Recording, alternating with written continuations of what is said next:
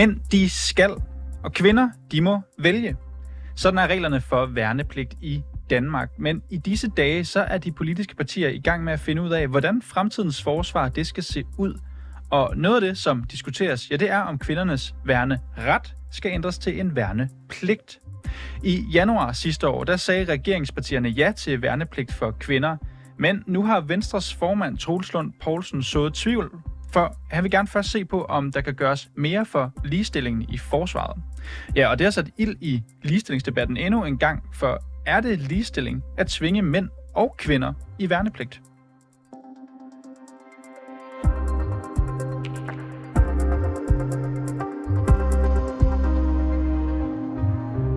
Ja, om det bidrager til ligestilling eller ej, det er jo et spørgsmål, som vi passende kan starte med at stille dig, Vita Østergaard. Først og fremmest velkommen til programmet.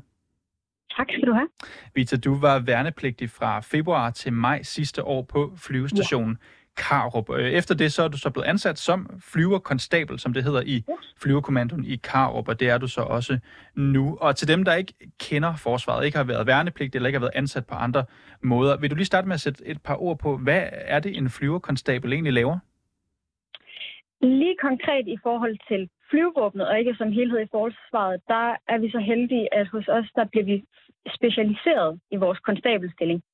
Øhm, så det kan være et specielt, og det kommer an på, hvor du arbejder hen, så kan du blive specialiseret inden for den retning. Hvad laver du? Helt konkret, der sidder jeg i vores operationsrum og holder øje med sådan noget som radar og i forhold til om vores afvisningsberedskab og sådan noget. Ja. Du meldte dig jo frivilligt til værnepligt i 2023, altså sidste år. Hvorfor gjorde ja. du det? Jamen, øh, det gjorde jeg for, at øh, det gjorde jeg under min bachelorskrivning faktisk. Øh, jeg savnet en udfordring både fysisk og mentalt. Og så måske også vigtigheden i at være en konkret del af noget større. Havde du nogen betænkeligheder ved at være kvinde og skulle ind i forsvaret? Til at starte med havde jeg ikke rigtig nogen. Jeg gik ud fra, at der nok ville være flere øh, mænd end kvinder. Øh, det blev også lidt bekræftet, da jeg var under det, det der hedder Forsvarets dag, eller session, som man også kaldte det. Der var, øh, der var jeg den eneste kvinde, der var mødt op. Og da du så kom ind i forsvaret, for det, det endte du med at gøre, oplevede du at blive forskelsbehandlet på baggrund af dit køn?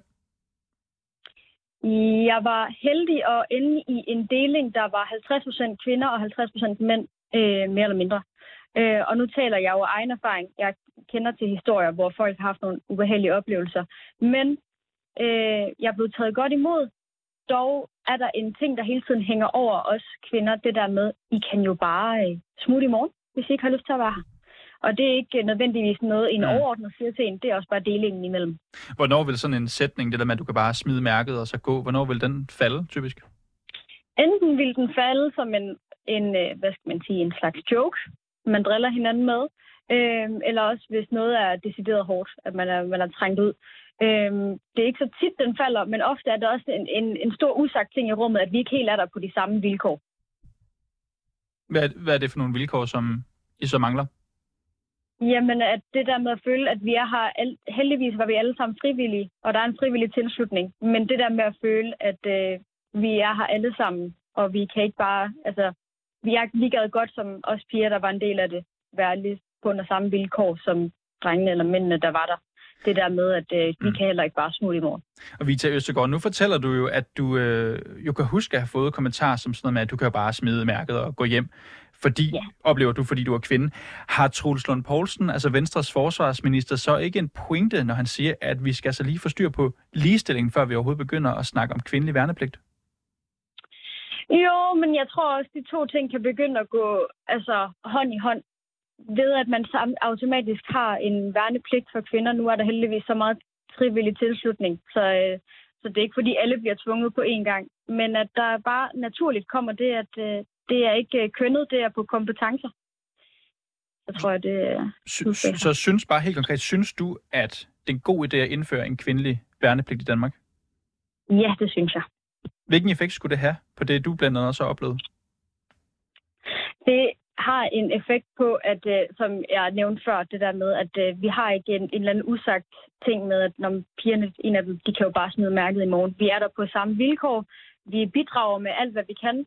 Øh, Og selvom at øh, man, man kommer ind i en, en tidligere mandsdomineret verden, så øh, er det fedt at være en del af en, en nyere fremtid.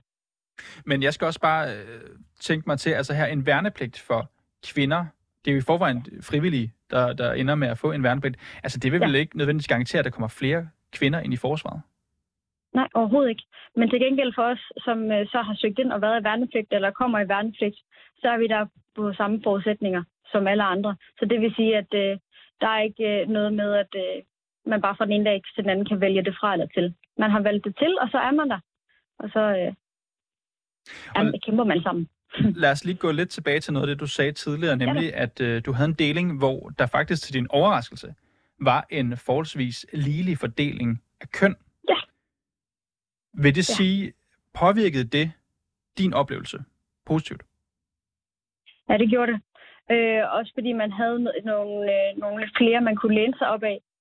Ja, der var lidt øh, flere kvinder. Faktisk var en af mine overordnede, specifikt i min gruppe, også en kvinde. Øh, hvilket jo kun øh, nærmest skabte et slags forbillede. Så det havde en, en klart positiv indvirkning.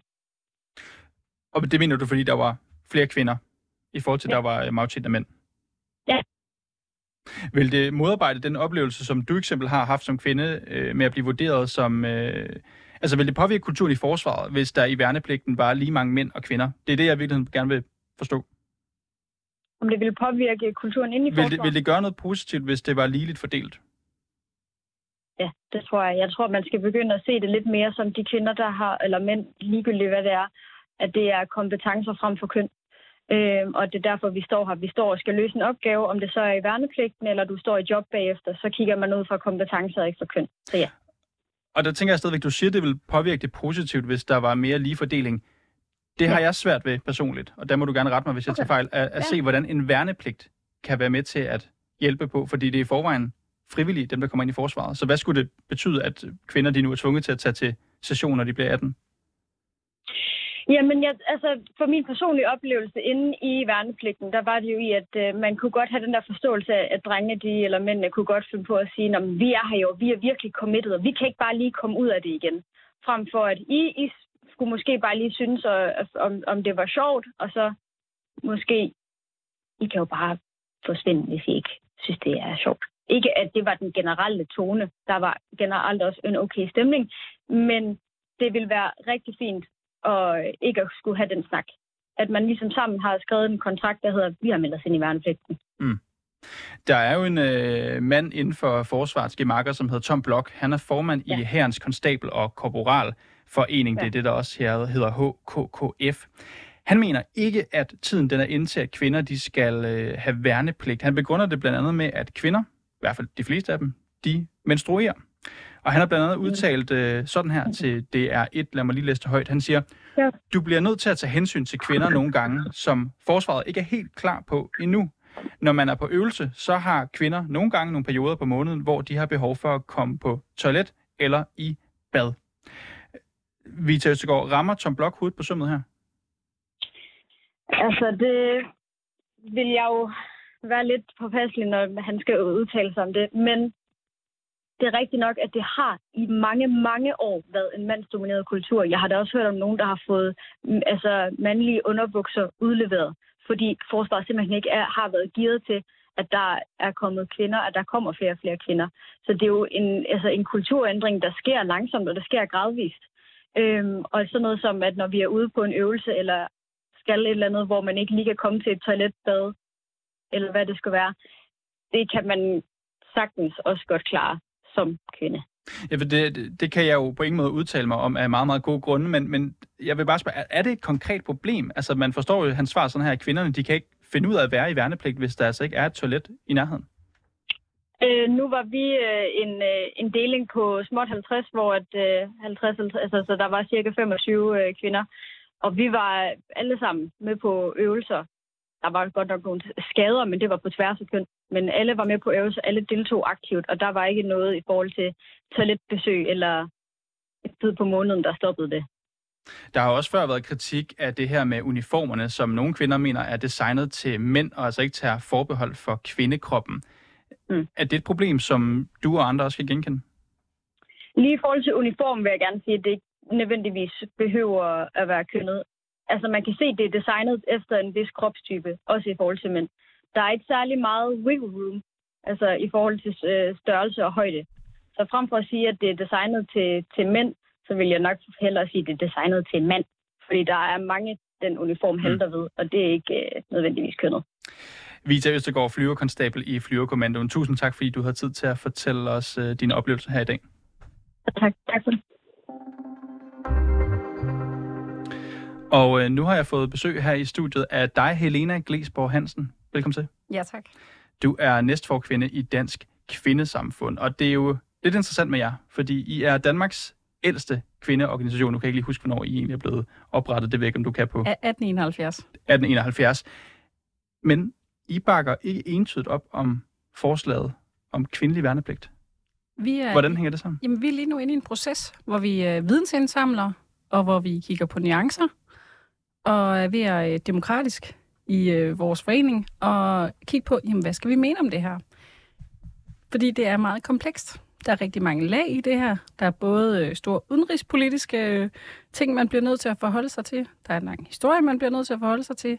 Og så er der også en række, øh, skal man sige, strukturer og faktuelle ting herhjemme, både i forhold til ret og pligt, vi bliver nødt til at kigge på. Så man Mm. får ikke en automatreaktion fra mig, øh, eller vores forkvinde, eller Dansk Kvindesamfund lige nu, i forhold til det her spørgsmål. Men det er jo også meget spændende, fordi nu siger du, I diskuterer det på, på livet løs. Altså, er der en, hvis man kan udpege det, er der en barriere, hvor du siger, at den her, det er måske en af de største udfordringer i forhold til spørgsmålet om kvindelig værnepligt? Der er rigtig mange forskellige faktorer, men en af de, øh, skal man sige, faktorer, vi jo er meget ops på, er jo, at der er store udfordringer med sexisme og seksuelle krænkelser i hæren og i forsvaret, som der måske ikke helt bliver taget hånd om på en måde, vi tænker, der er, er hensigtsmæssig nok. Vi ser ikke så mange hensigtserklæringer i forhold til virkelig at gå ind og, og ændre på det, når vi ser så mange kvinder rapportere omkring det her, og så også vælger at, at falde fra igen, fordi det måske ikke bliver håndteret godt nok. Så vi mangler der er både noget kultur inden for forsvaret, der måske skal ændres, som er meget gammeldags og macho-præget osv. Så, videre. så er der måske også noget i forhold til øh, både, hvordan øh, rammerne er indrettet i forhold til, hvad, øh, hvordan er det her øh, infanteri, og hvordan er våben, hvordan er øh, tøjet og andre ting. Er det indrettet til, at kvinder kan bære det Mm. hensigtsmæssigt? Og vi ved at øh, fra nogle undersøgelser, at flere øh, kvinder får flere skader og langvarige skader. Det er jo heller ikke godt nok i forhold til at sikre et ordentligt arbejdsmiljø for de kvindelige værnepligtige. Men, Men... Så der er flere forskellige barriere for os. men det kan godt være, at du synes, det er en smule øh, polemisk af mig, men altså, I går ind for lige løn, I går ind for lige barsel. I går så ikke ind for lige værnepligt. Men det er jo også at blande pære og bananer sammen, og du kan jo ikke sammenligne Er det det? Ja, det synes vi. Vi synes faktisk ikke, det er lige til. Vi kommer ikke til at komme en automatreaktion, fordi det er så komplekst. Det her, det handler også om krig. Det handler om at ruste folk til at kunne slå andre folk ihjel. Vi er imod alt krig. Det er vi. Det, er der også mange det, mænd, det, det, det, det, tror jeg, det, det kan vi godt sige. Altså, Dansk Kvindesamfund er jo bygget på, vi stiftet af Frederik og Mathilde Beyer tilbage i 1871. Frederik Beyer har faktisk fået Nobels fredpris. Det ligger i vores DNA, at vi støtter op omkring fredsbevarende arbejde. Men- og har den del af det. Men nu er jeg også Så sikker på, at der er mange kvinder, der, der, der, altså selvfølgelig, jeg forstår ikke for krig, men der er altså også mange kvinder, der gerne vil ind i forsvaret, og så har forskellige oplevelser her. Nu nævner du det her med ligestillingsproblemer, altså hvordan man som kvinde bliver mødt, en kultur, nogle ord, der bliver sagt, nogle, måske nogle uniformer, der ikke passer. Jeg tror også, nogen vil sige, er vi ude af det lidt af hønen eller ægget her? Altså, vil det ikke netop, hvis man indfører en kvindelig værnepligt, være det stærkeste skub hen imod en mere ligestillet verden i forsvaret? Men det kan jo aldrig være den enkelte, enkelte kvindelige værnepligtiges ansvar at ændre den her mange 100-årige gamle kultur. Nej, det er et strukturelt ansvar også, Præcis, og derfor så tænker jeg, derfor- at struktur, struktur kan jo være at indføre en kvindelig værnepligt, så at allerede der bliver mere ligestillet. Men, men der tænker vi ikke, det er kvinderne igen, der selv skal øh, ændre det individuelt. Det må jo være noget, der kommer strukturelt oppefra. Hvis det er, vi skal snakke om en kvindelig værnepligt, skal vi overhovedet have værnepligt? Er det et problem? Det er jo noget af det, vi diskuterer lige nu, og vi er også ved at indsamle viden, hvor vi blandt andet har snakket med øh, kvindelige veteraner og høre deres take på det. Men jeg er også lidt interesseret i, hvad, hvad er det, der skaber en ligestilling på området, hvis vi tager det udenom værnepligt? Altså hvis så vi siger, at uniformerne begynder at passe, hvis man får syet nogen, der simpelthen er mere, passer bedre til den kvindeform, som også kan være, er, er det så ligestillet? Er det så bedre om Altså, det, kvindelig det, værnepligt? det, det, er jo, det er jo en af de små hemsko. Men der er jo så også i forhold til de våben, der er, og de skader, de kvinder får. Jo også igen kulturen og de strukturer omkring det. Altså, der er jo alle de her hemsko. Og så er der også bare hele det, jamen, vi har nogle politikere lige nu, der skal til at snakke omkring det her. Måske skulle vi kigge på og sige, jamen, ikke kun have værnepligt, men skal vi også snakke om at have noget, der hedder en samfundspligt, og skal vi have noget, der hedder en omsorgspligt. Sådan, men nu taler alle... vi om værnepligt. Ja, men, men jeg synes, det er faktisk også vigtigt at tale om de andre ting. For det er jo ikke kun vigtigt, at vi har folk, der kan indgå i en reserve og forsvare vores land, hvis det er, at vi får brug for det. Vi får også brug for mennesker, der kan lappe sammen men, og men, kan andre men, ting. Men, men nu taler vi lige med Vita Østergaard her. Hun arbejder i forsvaret. Hun valgte en, kan man sige, en frivillig værnepligt. Hun synes, det er en god idé, at vi begynder at indføre en kvindelig værnepligt, for hun siger, at det er et skridt hen på vejen mod en mere ligestillet, et mere ligestillet miljø i forsvaret, også for kvinder. Altså, hun kan vel ikke bruge det til noget, at de står og siger, I er imod krig, og I vil have en samfundspligt og alt det her.